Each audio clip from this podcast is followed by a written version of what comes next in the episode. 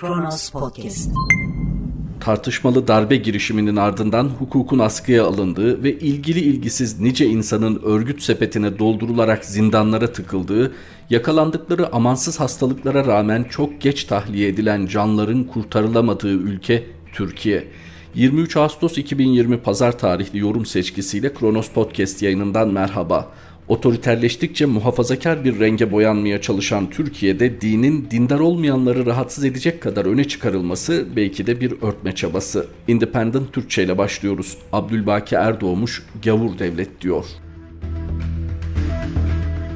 Gavur denince kafir veya dinsiz algısına imkan vermemek için kelimenin halk dilindeki anlamına dikkat çekmek istiyorum. Daha çok merhametsiz, acımasız, inatçı ve zalim anlamlarında kullanılmaktadır. Geçit vermeyen Toros dağlarına Gavur Dağı denildiği gibi. Tanzimat dönemine kadar Osmanlı'da gayrimüslimler için kullanılmış olsa da ayrımcılığa ve aşağılanmaya yol açtığı için daha sonra yasaklanmıştır. Ancak halk dilinde dini farklılığı belirtmek için değil, bazı insanlara ve yer isimlerine sıfat olarak eklenmiştir. Gavur hacı, gavur hoca, gavur ağa, gavur ehmo gibi. Anlayacağınız hak hukuk ihlal eden, yol kesen, zorluk çıkaran veya zorbalık yapan herkes için kullanılan bir terimdir. Öz bir ifadeyle gavur, adil olmayan yani zalim olan demektir. Müslüman veya gayrimüslim, kurumsal veya grupsal olsun bütün zalimler için geçerli bir tanımdır. Kökeni itibarıyla Farsça olan gavur sözcüğü Türkiye'de olduğu gibi Balkan topluluklarında da zalim anlamında yaygın olarak kullanılmaktadır. Bu sözcüğe Bulgarca'da gıyavur, Rumence'de gihavur, Sırpça'da ve Hırvatça'da kaurin, Arnavutça'da ise kaur denilmektedir. Hangi coğrafyada olursa olsun hak bilmez, hukuk tanımaz, her fırsat ve imkanda hak ve hukuku ihlal edenlerin, merhamet ve vicdan yoksunu insanların zalim, gavur olarak tanımlanmaları zulme ve zalime duyulan nefretten dolayıdır.''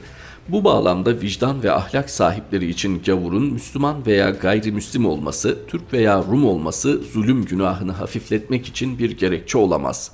İnsanları, dinleri, inançları, etnik aidiyetleri farklı olduğu için gavur tanımıyla aşağılamak insanlık değildir. Ancak zalimi ve zulmü aşağılamak, vicdan, merhamet ve ahlak sahibi herkesin insanlık görevidir.'' Ne yazık ki vicdan, adalet ve ahlak yoksunu kesimler için yöntemler, araçlar ve amaçlar aynı olsa da failler farklı olunca suçun da suçlunun da tanımı değişiyor. Esefle ifade etmeliyim ki bugün egemen olan Müslüman çoğunluğun zihni ve anlayışı bu yöndedir. Müslüman ülkelerde iktidarların ceberut uygulamaları dahi onaylanmakta, yöneticilerin Müslüman olmaları koşuluyla otoriter ve Jacoben siyasal sistemler meşru görülmektedir. Türkiye örneğinde olduğu gibi bu anlayışın öncülüğünü yapan din adamları, dini gruplar ve cemaat temsilcilerinin otoriter iktidar yandaşlığı artık tiksindirici boyutlara ulaşmıştır. Yakın geçmişe kadar gavur olarak tanımladıkları devletlerin geçmişten farklı olarak daha da zorba ve hukuk tanımaz bir sisteme dönüşmesine rağmen sırf yönetenlerin Müslümanlık iddialarından dolayı itaat edilmesi vacip devletlere dönüşmesi ibret ve utanç vericidir.'' Ülkemizde Müslümanlık iddiasıyla iktidar olanlar adaleti, adil olmayı, merhameti ve ahlaklı olmayı unuttular. Haksızlık, ayrımcılık artık siyasal sistem ve yasal güvencelerle yapılmaktadır. Vicdan ve adalet sahibi her Müslümanın bu hazin tablodan büyük bir utanç duyduğu kesindir. Devletin varlık koşullarından olan siyasal egemenlik yöneticilerin kimliğine bağlı olmaksızın siyasal iktidar hukuka aykırı kullanıldığında yasaların varlığı ancak zulme dayanak oluşturur. Bu durumda yönetimin hukuki meşruiyeti de sona erer ve artık devlette gavurlaşır. Siyasal iktidarlar adalet, hukuk devleti felsefesini içselleştirip uygulamadıkça meşru ve doğru bir devlet bilinci edinmemiz mümkün değildir. Gavurluğun karşıtı adalet, gavurun karşıtı ise adil olduğuna göre yönetim ve yöneticileri adalet ve adil veya zulüm ve zalim olarak değerlendirmek durumundayız.''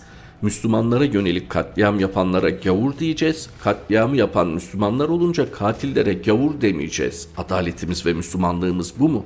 Sormazlar mı nerede bu coğrafyanın gayrimüslim unsurları? Rumlar, Museviler, Ermeniler, Ezidiler, Keldaniler ve bu coğrafyanın en kadim halkı Süryaniler vesaire hepsi kıyıma uğradı. Malları, mülkleri, vakıfları ve dahi mezarlıkları yağma edildi. Peki bunlar mı gavur? Bunlara zulmedenler mi gavur? hukukun üstünlüğüne dayalı sistem inşa eden gayrimüslim yönetimleri ve yöneticilerini gavur, hukuk tanımayan otoriter Müslüman yönetimlerini meşru, yöneticilerine de ulul emr, halife, imam veya adil sultan diyeceğiz. Öyle mi?'' Filistin'de, Afganistan'da, Irak ve diğer Müslüman ülkelerde İsrail, İngiltere, ABD, Rusya katliamlar yaptığında gavur, Suriye, Irak, Yemen, Libya'da katliamlar yapan Müslüman devletler olunca gavur demeyeceğiz.'' Orta Doğu'yu işgal edip şehirleri yakıp yıkan yüz binlerce sivil masum insanı katleden küresel güçlere haklı olarak gavur diyeceğiz. Ancak Etfal ve Halepçe katliamlarını yapan Irak yönetimine Şengal'de Ezidileri, Kobani'de Kürtleri katleden Daesh ve müttefiklerine gavur demeyeceğiz. Öyle mi? Nobel Barış Ödüllü Elie Wiesel'ın şu sözü hepimiz için bir uyarı niteliğindedir adaletsizliği önleyecek gücümüzün olmadığı zamanlar olabilir. Ama adaletsizliğe itiraz etmeyi beceremeyeceğimiz bir zaman asla olmamalıdır. Abdülbaki Erdoğmuş'un yazısını aktardığımız Independent Türkçe'den sonra korkusuzdayız. Hüsnü Mahalli müjdeye dünya ölçeğinde bakıyor ve gaza gelmekten söz ediyor. Dünya medyasının çok fazla ilgi göstermediği habere yandaş medya büyük bir heyecanla sarıldı. Hazine ve Maliye Bakanı Albayrak Karadeniz'deki keşifle ülkemizin gündeminden cari açık konusunu kaldıracağız, döviz fazlasını konuşacağız dedi. Dedi ama değerinin düşmesi beklenen dolar gaza gelmeyerek yeniden yükseldi. Aynı saatlerde Uluslararası Değerlendirme Kuruluşu Fitch Türkiye'nin kredi notunu BB olarak açıkladı ve görünümü de durağından negatife çevirdi. Demek ki bulunduğu söylenen 320 milyar metreküplük doğal gaz adamlara iyi not için yeterli olmamıştı. Kaldı ki Cumhurbaşkanı Erdoğan'ın söylemiyle bu doğal gaz 2023'te tüketiciye ulaştırılacaktı. Yani Cumhurbaşkanlığı seçiminden birkaç gün öncesinde AKP'nin yeni cumhuriyeti ilan edeceği yılda belki de o zamana kadar başka şeyde bulunur ya da yeni fetihler için yola çıkılır. Artık kısmet neresi ise Gelelim hepimizin bildiği Mehmet Barlas'ın söylediklerine. Ona göre yeni geleceğin Türkiye'si Suudilere, İran'a taş çıkaracak doğal kaynakların sahibi olacak. Olacaksa artık kesin olmaz. İyi de Barlas neden bu iki ülkenin adını özellikle verdi? Suudiler bir zamanlar İslam aleminin lideriydi. İransa ilk İslami cumhuriyet ama Şii. Barlas örneğin 50 trilyon metreküp rezervle dünya birincisi Rusya ya da 25 trilyon metreküp rezervle dünya üçüncüsü ve Türkiye'nin müttefiki Katar'dan söz edebilirdi. Ya da 11 trilyon rezervle sevgili dostumuz Trump'ın ülkesi Amerika Birleşik Devletleri ya da Türkiye Cumhuriyetlerden biri olan Türkmenistan'ın adını verebilirdi. Neyse biz kendi gazımıza bakalım. Dünyada yaklaşık 50 ülkede doğal gaz olduğu söyleniyor. Doğal gaz zengini körfez ülkelerinin hiçbirinde demokrasi, özgürlük, insan hakları ve hak hukuk yok. Bazı Avrupa ülkeleri hariç doğal gaz ülkelerinin hepsinde sorun var. Bazıları emperyalist ya da işgalci, başkaları çağ dışı ve ilkel, çoğu da dikta iktidarlarla yönetiliyor. Demek ki gaz ve petrol her zaman nimet değil, bazen de halklar için külfet ve baş belası hem de en karanlık türünden.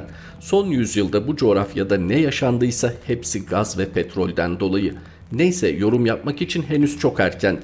Geçmiş yıllarda onlarca kez müjdesi verilen gaz ve petrol buluşlarından farklı olduğuna inanmak istediğimiz bu seferki müjdenin ülke ekonomisine ve dolayısıyla halka yansıması için ortalama 5 yılın geçmesi gerektiği söylenmektedir. Ayrıca açıklanan rezervin ekonomik olması durumunda bile Türkiye'nin yalnızca 5-6 yıllık gaz tüketimini karşılamaktadır. Tabii o zamana kadar çıkarılacak gaz satılmaz ve Türkiye'nin dışarıdaki askeri harcamalarına aktarılmazsa. Türkiye'nin şu anda Suriye, Libya, Irak, Katar, Somali ve daha başka yerlerde askeri varlığı var. Türkiye bu ülkelerde 100 binden fazla militana maaş ödüyor ve tüm gereksinimlerini karşılıyor.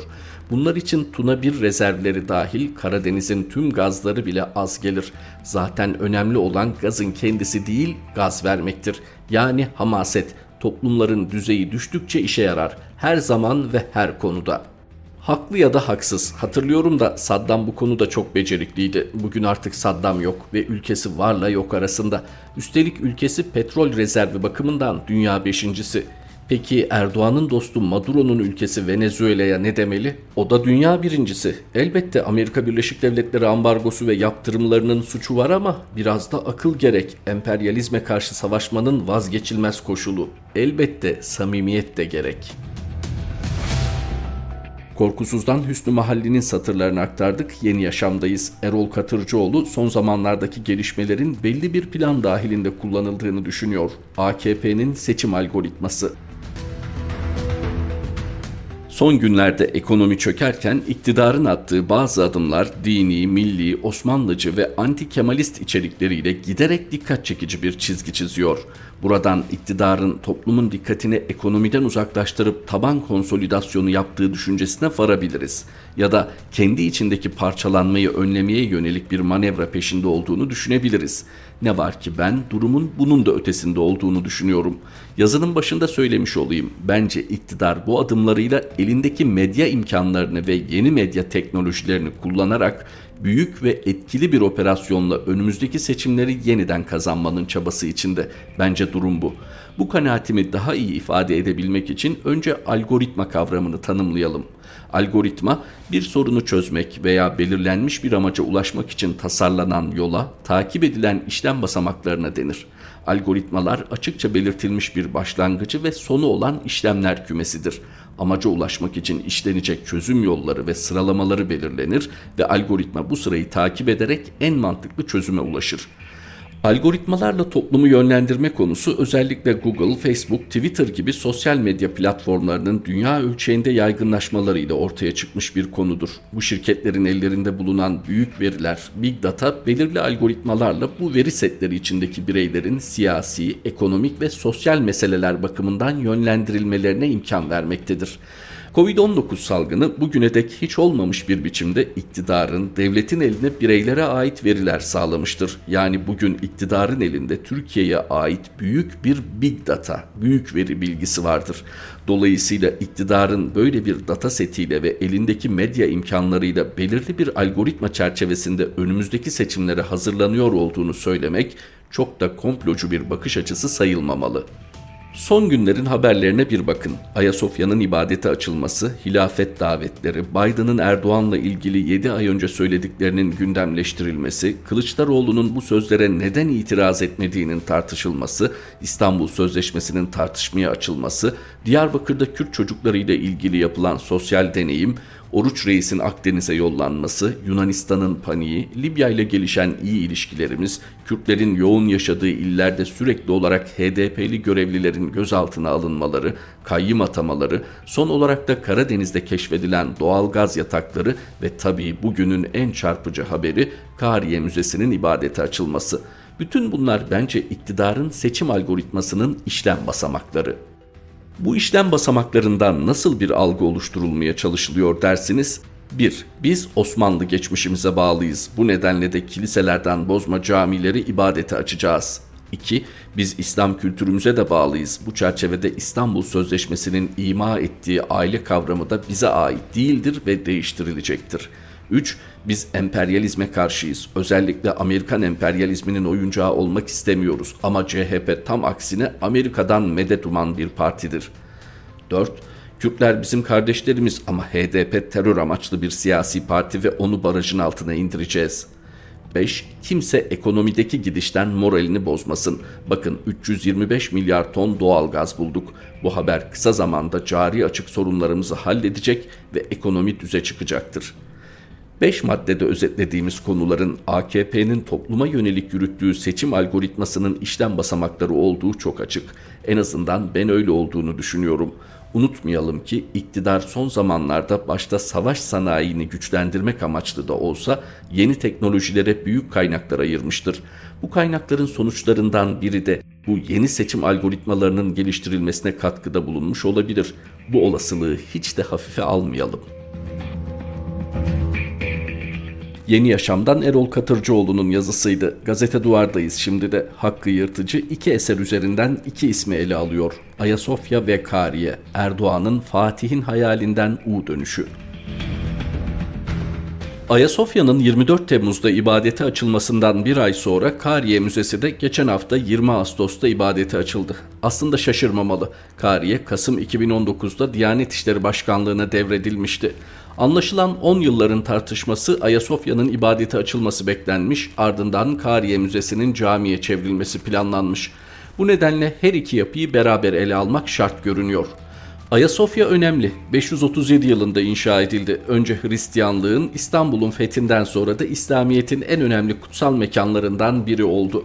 Kariyenin önemi ise bambaşka. 6. yüzyılda inşa edildi. İlerleyen yüzyıllarda mimarlık, sanat ve dinler tarihine tanıklık eden benzersiz fresk ve mozaiklerle süslendi. 1511 yılında camiye dönüştürüldü. 1945 yılında üzeri sıvanan süslemeleri tekrar ortaya çıkartıldı ve müze oldu. Dünyada mozaik müzesi olarak biliniyor ve her yıl tıpkı Ayasofya gibi binlerce turistin ilgisini çekiyordu. Yine ta ki bu zamana kadar. Hiç kimse bu iki yapının 500 yıllık cami geçmişlerini inkar etmiyor. Tam tersine melezlikleri onları daha da zenginleştiriyor. Ayasofya ve Kariye mimarlık, sanat ve dinler tarihinin tanıkları olarak dünya mirasının parçası olmuş değerli yapılar. Ayasofya ve Kariye'yi yüzyılların tarihini anlatan kitap yapılar olarak anlamlandırmalı. Yüzyıllar önce insanların kendi varlıkları üzerine ne düşündükleri, evreni nasıl algıladıkları hakkında bir kitap. AKP Genel Başkanı ve Cumhurbaşkanı Erdoğan'ın attığı bu iki adım 1923 yılının laik cumhuriyetiyle hesaplaşma ve geçmişe dönerek Osmanlı'nın yükseliş dönemini yeniden diriltme hamlesinin birer parçası. Kendisine Cumhuriyet'in ötesinde Osmanlı'ya referansla yeni hayali sınırlar çiziyor. Bölgede ve dünyada yükselen bir güç görünümü vermeye çalışıyor. Bunu yaparken de gerekirse bütün dünyayı karşısına almaya karar vermiş durumda.